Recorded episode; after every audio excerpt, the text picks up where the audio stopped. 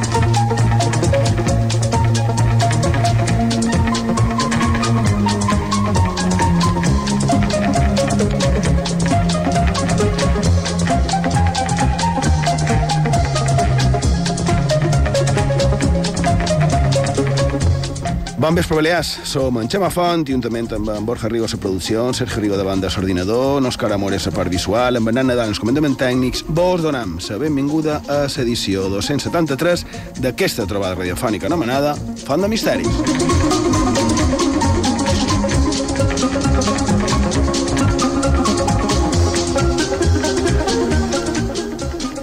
Una edició una mica pop. Borja Rigo, bon vespre. Bon vespre.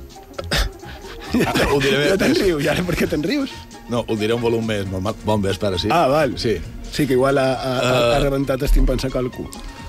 Efectivament, una mica pop electrònic, que també té a veure en els temes que tractam, però en aquest cas és la que està considerada com a la primera cançó de pop, entre cometes, electrònic de la història. Any 1969, una cançó que el dissona tothom segurament, que Sí, és clar. Popcorn, Sí. I que després s'ha versionat moltíssimes vegades, però no l'havíem posada mai i és una manera més o manco festiva, misteriosa festiva, de començar el programa d'avui. Val. Molt bé, Sergio Rigo, bon vespre. Bon vespre, Xema. Això no se mos, aniria, no se mos hauria d'anar de ses mans. Eh? Bé, eh, estem a una eh, edició reduïda per mort dels esports, però nosaltres eh, volem aprofitar una miqueta per fer això que, que ens agrada, fer una miqueta de ràdio, i comentar cosetes que ens varen quedar pendents per dir, i a part de que en Borja comenti cançons, i a part també, a part de tot això, recordar que aquest dimarts, el proper dimarts, dia 20 d'agost, a l'Aró, són Tugores, eh, a les 8 del cap vespre, en Pedro Ripoll Sant Pol farà una xerrada, recordem que és gratuïta, on contarà la seva aventura que va ser anar des de Tenerife, on ell resideix, fins a les Barbados, a Amèrica, remant. Va travessar l'Atlàntic amb un amic seu, sense cap tipus d'assistència, amb una piragua. Eh? Dos mesos i pico remant, 2.500 quilòmetres. Mm? Crec, verdaderament, crec que val la pena anar-hi i ara el que crec que és millor anar-hi cap a sumari Borja, a Sergi Rigo, si vols, i formes de contacte i començaríem. I d'avui vespre et sumaré molt ràpid, Xema, perquè només tenim mitja hora. Xerrarem desconegut com a cas Conill, que fa unes setmanes li va quedar pendent d'aprofundir en Borja, i també, si tenim temps, comentarem algunes coses que van quedar també pendents del programa que van fer en el Parlament de les Illes Balears per convidar la setena temporada de Font de Misteris. I ja sabeu, les nostres formes de contacte no tanquen mai. Per això, si us voleu fer arribar els vostres missatges, ho podeu fer de diferents formes.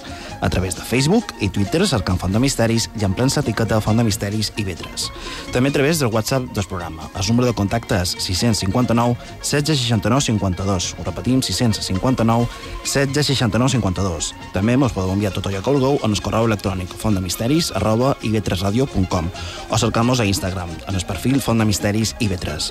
També podeu escoltar tots els nostres programes en el servei a la carta d'IB3 a ivetresradio.com, a la plataforma ivox.com i a fontdemisteris.com.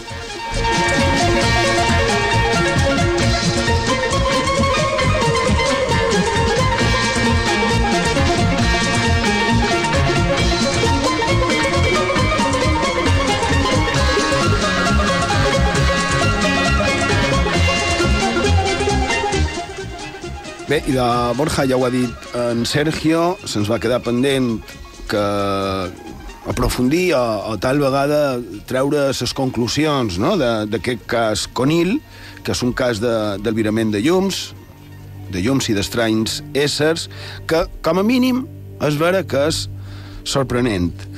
Vares comentar el tema, però no el vàrem, no el vàrem acabar de contar.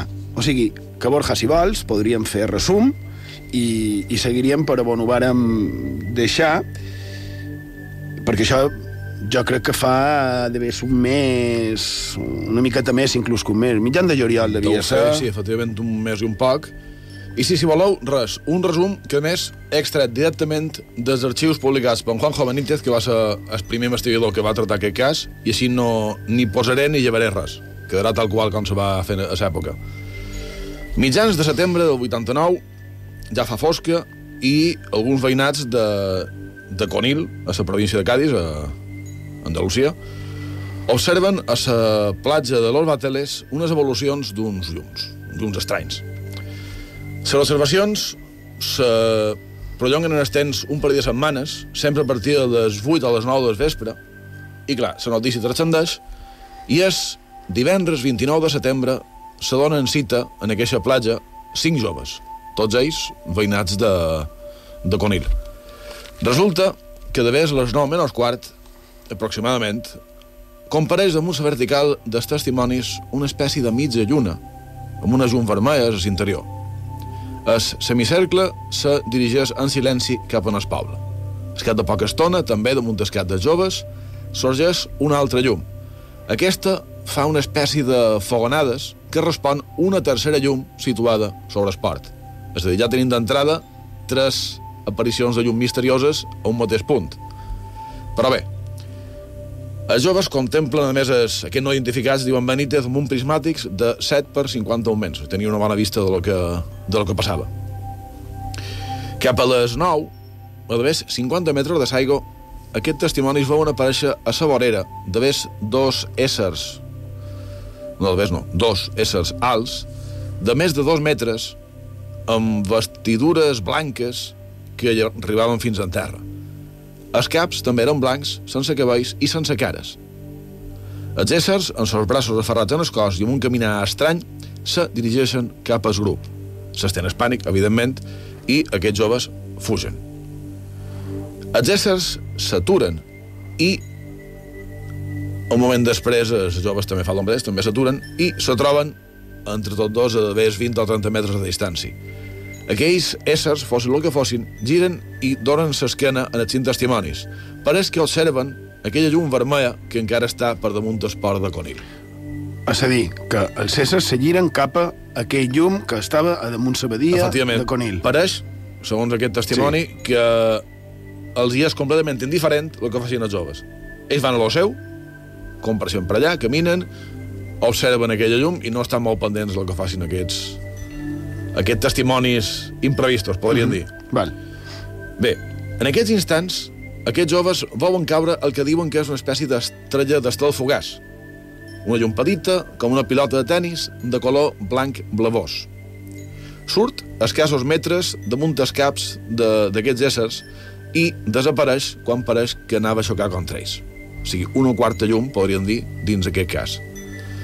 Tot d'una, i sense immutar-se, podríem dir, aquests dos éssers se varen seure damunt serena i varen començar a fer una espècie de petit, una petita muntanyeta en el seu voltant, una espècie de morada, si voleu, en forma de com a ferradura. És que és molt estrany tot.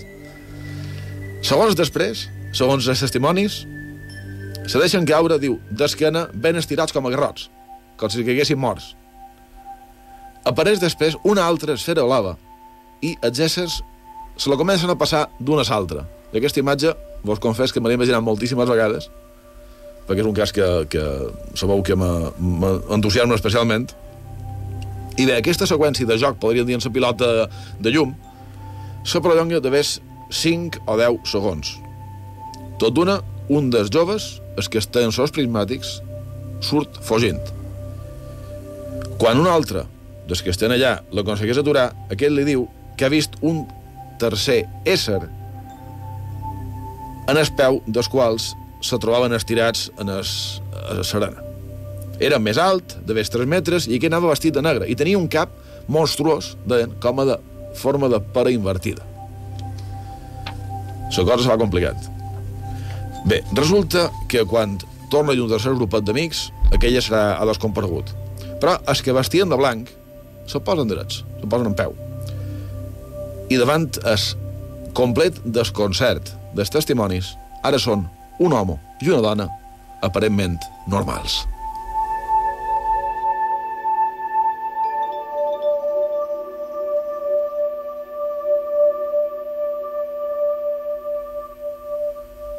El primer, alt, vesteix una camilla i uns calçons texans, normals corrents, i la dona, de cabell llarg, du una brusa i una falda fins en terra. I, sense pèrdua de temps, home i dona se dirigeixen cap en el poble i se perden entre els carrers.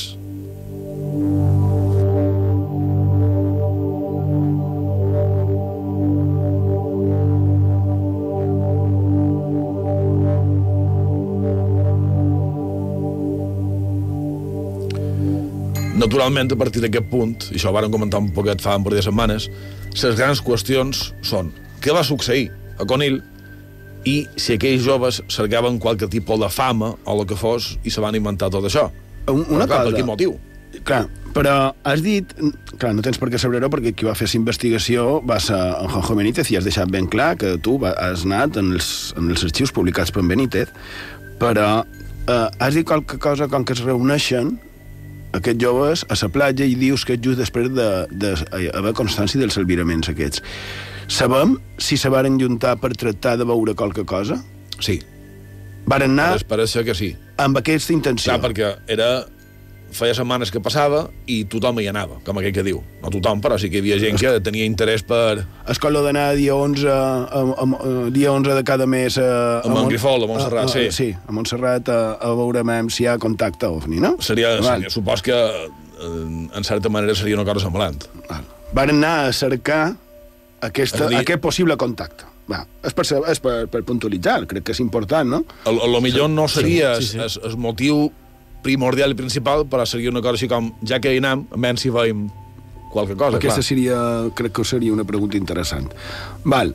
Um, estaves dient que hi havia molt de dubtes damunt d'aquest tema, Bé, moltes coses no a tenim, comentar. no tenim resposta, No, evidentment. però crec personalment que durant aquests anys ha hagut mitjans i també investigadors que han fet befa d'aquesta història i han expressat desbarats i animalades, trop, que realment fan molt, molt més mal que bé tant en els testimonis com en els que ens intentem dedicar de manera sèria en el món del misteri. És a dir, una cosa pot ser certa, pot no ser certa, però Totalment. tampoc fa falta entrar en certes desqualificacions, ni, ni insultos, ni, ni barbaritats. Totalment d'acord. I més, eh, si hi ha una cosa que tenim clares de font de misteri és la queixa, que qualsevol tipus de testimoni o de narració que ens arriba eh, s'ha de tractar sempre de manera respetuosa perquè qui te la conta o bé ha estat una vivència pròpia o bé ha estat eh, qualque història que l'ha arribat, ja sigui per tradició oral, perquè és que si no tampoc tindríem... Clar, les, perquè- les llegendes clàssiques, els contes de tota la vida no existirien. Evidentment, és que una història que No sé te si conten... amb això. Sí. Una història que te conten no té per què saber però per ventura, per aquesta persona sí que ho és. Exactament. És la seva realitat, és la seva la seva pròpia experiència. Per, lo- per, per això Jo crec que sí d'aquí un s'ha parell de setmanes poden comentar aquest tema també. Bé, ja ho comentarem. Sí. Segueix. Bé. D'aquí un parell de setmanes. Fer, fer el programa d'avui. Per exemple, hi ha titulars, com es, això ho vaig dir també, però és interessant recordar-ho. Diario de Cádiz, 16 d'octubre del 89. Los extraterrestres de Conil eran operarios británicos que colocaban un cable telefónico. I se queden tan amples. Més abans, la notícia continuava exposant que aquest era el resultat de la investigació del grup anomenat HEIFO, és a dir, el Grup Espanyol d'Investigació del Fenomen OVNI, i el seu argument és que a unes quantes milles de la costa hi havia uns vaixells britànics fent certes operacions. No és moment d'obrir debat, avui no tenim temps, No, ja ni mica de més. però, eh, continuant amb els resultats d'una investigació que ells varen fer ben, ben de pressa, en només uns parell de dies, com si acabar-la fos més important que el propi resultat, el Geifo va dir també que aquells joves havien confós, atenció, els dos humanoides blancs en ni més ni manco que bussatjadors que se canviaven de roba de feina per roba de carrer.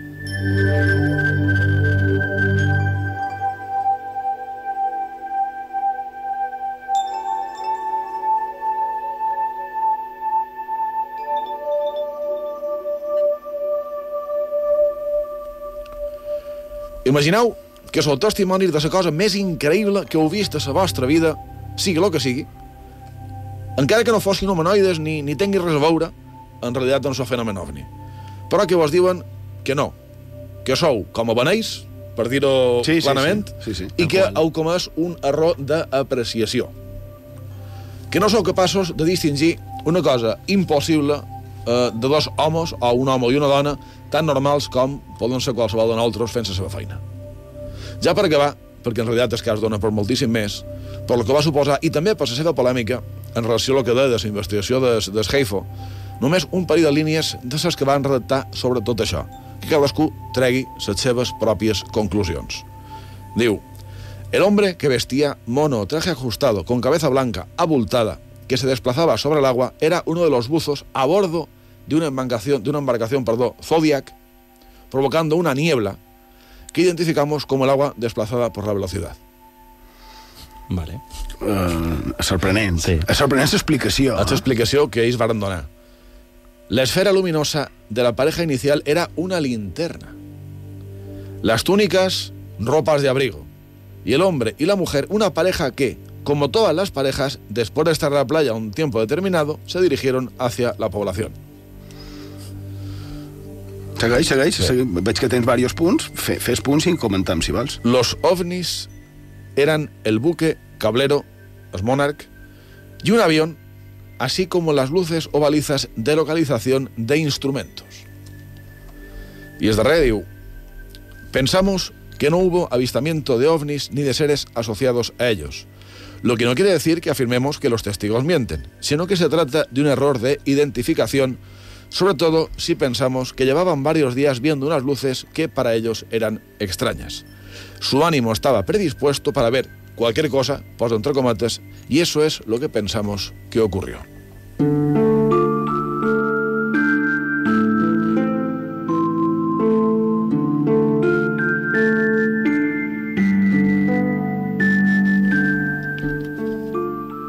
Sergio Rigo, vol dir res? És que és peculiar. Aquest, aquest títol, com s'ha dit ara en Borja, sobre la investigació dels Geifo, són bastant, no sé, com qualificar-los. És que hi ha raonaments una miqueta que tal vegada podríem dir lògic, com és darrer de tots, perdó, però eh, pots confondre, evidentment, pots confondre llums que no coneixes amb ovnis sí, però això de que l'homo eh, que, havia, que, que anava dret damunt la Zodiac i la Zodiac duia un motor elèctric, eh, és que no ho sé, Clar, perquè perquè el renouer recordar- que ha de fer arribant a la... És que si ens parem imaginatius poden donar resposta a qualsevol cosa. Clar, efectivament.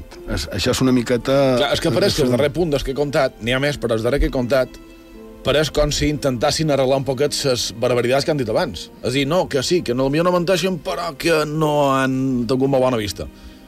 I a més, Clar.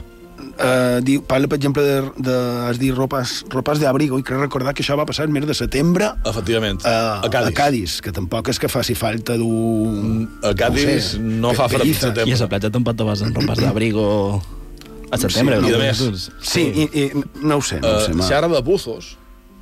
Xerra de buzos. Vestits de blanc. Sí. És a dir, i què duien, escafandres? En- a L'any 89. Tampoc és normal. És a dir, Bueno, no ho sabem, a lo millor va haver qualque avaria, perquè parles d'un buque, buque cablero, Sí. no, no me'n record quin nom era el buque. El Monarch. És dir, el Monarch, però eh, pot haver tingut Clar. qualque problema i haver de menester un, uns bussejadors professionals que ho ara aquí, arreglin. aquí Podria ve, amb, un línia només ho diré, l'altra part de la investigació, que la va fer en Benítez per intentar explicar el que havia fet es, es Heifo, i és que, només d'entrada, es Monarch i altres vaixells que rondaven per allà, aquells dies en concret no feien feina. Ah, ara ja... Aquí... A, a, a partir Sí, d'aquí au. ja no direm més, Vale. però la qual demostra que per ventura no se va fer com tocava. Haurien de saber les conclusions més esteses a dia d'avui i després, això en els desclassificats és? Crec que no. No me sona, eh? Crec que no. Ho hem de consultar? Ho hauríem de consultar. Mira, ja tenim deures. Però de memòria diria que no. Ho hauríem de consultar, més, perquè clar... és, és un cas respecte a la data de desclassificats, que va ser el 92, és molt, era molt recent encara.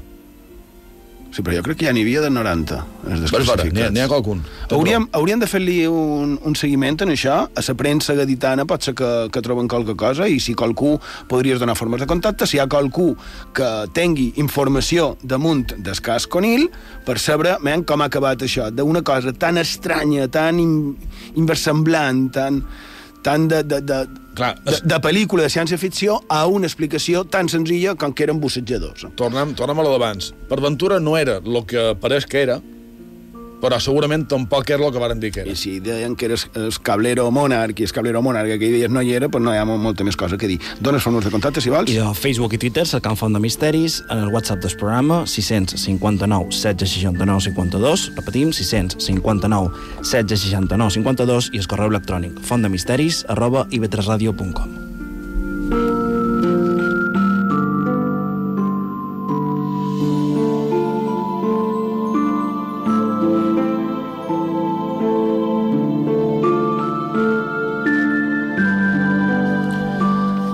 Bé, crec que, és de, crec que és del tot interessant. Crec que haurem de continuar parlant d'aquest tipus d'estrany casos que també es produeixen a les nostres illes, tal vegada no tal com aquest.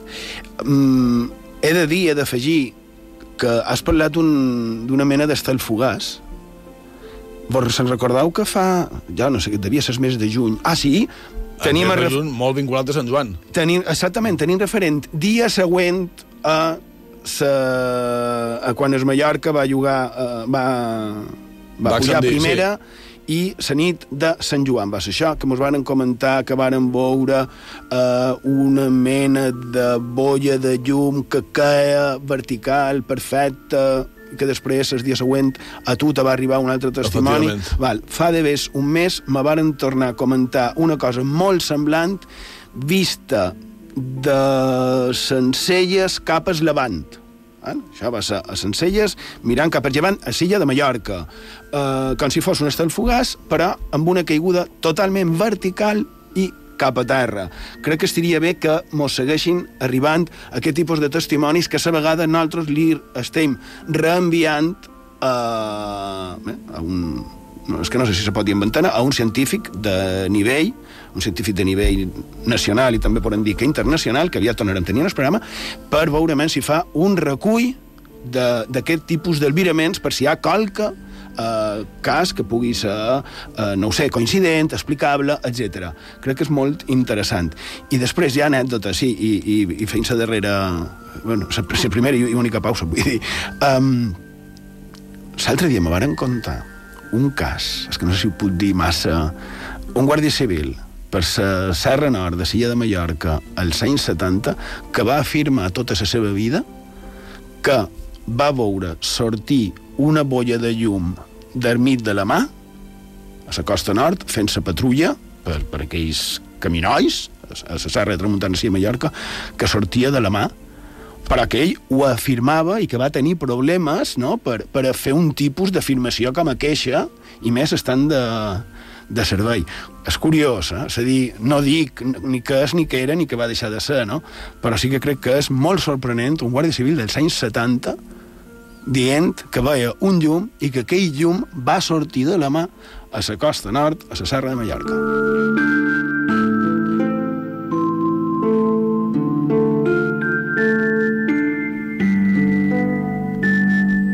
Jo crec que són casos que, que, que val la pena, no?, tenir, tenir presents, tenir en Són compte. casos fascinants. Per cert, xerrant de casos, no hem comentat la camiseta d'en Borja avui, que justament ve Justament. de la NASA. De la NASA, sí senyor.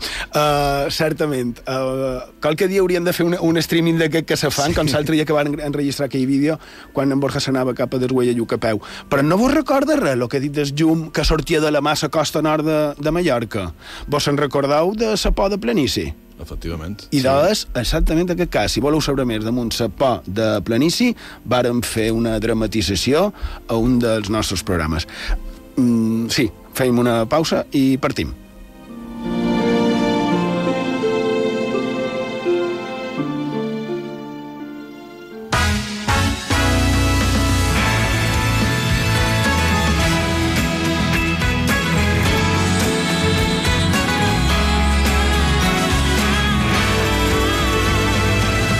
IB3 Ràdio, la ràdio pública de les Illes Balears. Hay días buenos, días geniales, días maravillosos. Y luego están los días que viajas a Menorca con Balearia. Ahora con Balearia, Menorca en poco más de una hora desde 16 euros y de vuelta en el día. Reserva ya en Alcon Viajes, Viajes Ecuador o en nuestras webs. Hacemos de tu viaje una gran experiencia. IB3 Ràdio. És història. On la història es torna llegenda, a on el més quotidià es torna màgic. Acompanya'ns a la nostra font de misteris a IB3 Ràdio.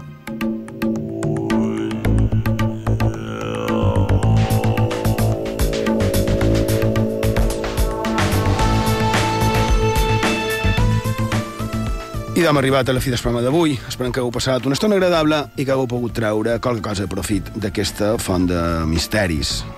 Una edició estiuanca, estiu, eh? Tens per a molts de molta més feina a la nostra comunitat, però per a molt d'altres de vacances. Però, en general, època de, de festa, de bauxa, també de les famoses verbenes, ja siguin eh? eh, les de tota la vida o aquestes de nova implantació. Res a dir. I, a més, per això està l'estiu, per passar-ho bé, per, per sortir, per gaudir, i és que, en general, anem una miqueta més relaxat, que fa falta, clar que sí, però amb el que no ens podem relaxar és amb el que massa sovint surt a premsa i, i molt d'altres també que, que no arriben a sortir perquè es callen. No? Estic parlant de la violència sexista, els atacs de qualsevol tipus i sota qualsevol excusa contra les dones. Ja no és que no és no, és que si no és sí, és que no. I és lògic, punt. Res més a dir. És feina de tothom aconseguir una cosa tan bàsica com a lògica. És feina de tots aturar-ho. No riure mai ses gràcies en els desgraciats que no ho volen entendre i denunciar. S'ha de denunciar, denunciar aquells casos que coneguem. No és una utopia de gairebé la mitjanit del dissabte i vetre ràdio, és un imperatiu. Ho hem d'aconseguir, que qualque dia, més aviat que tard, només sigui un mal record a les hemeroteques. Gaudiu, però respectau. Avui hem triat un vinil d'aquells vells, amb aquí renouet de fons, de Munjo Jerry, en the, in the summertime, a l'estiu. Allí, Pau, bona nit. Gràcies per la vostra companyia i la setmana que ve. In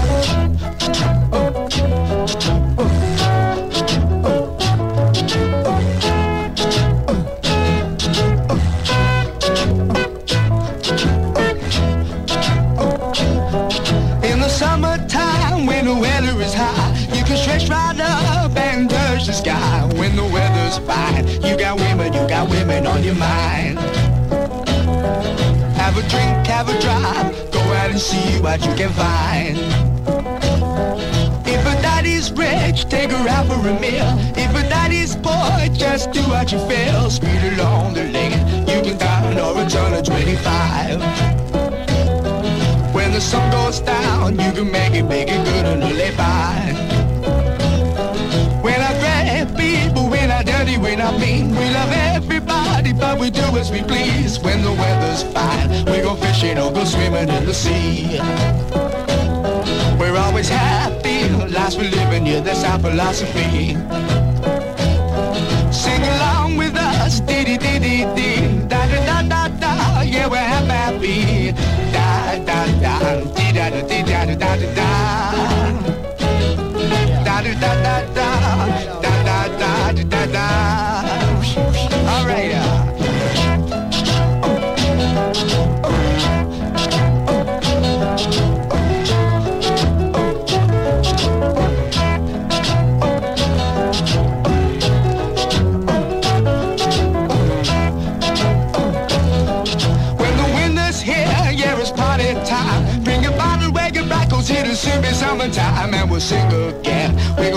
or maybe we'll settle down. It's just rich, it's just nice. Bring your friends, and we'll all go into town.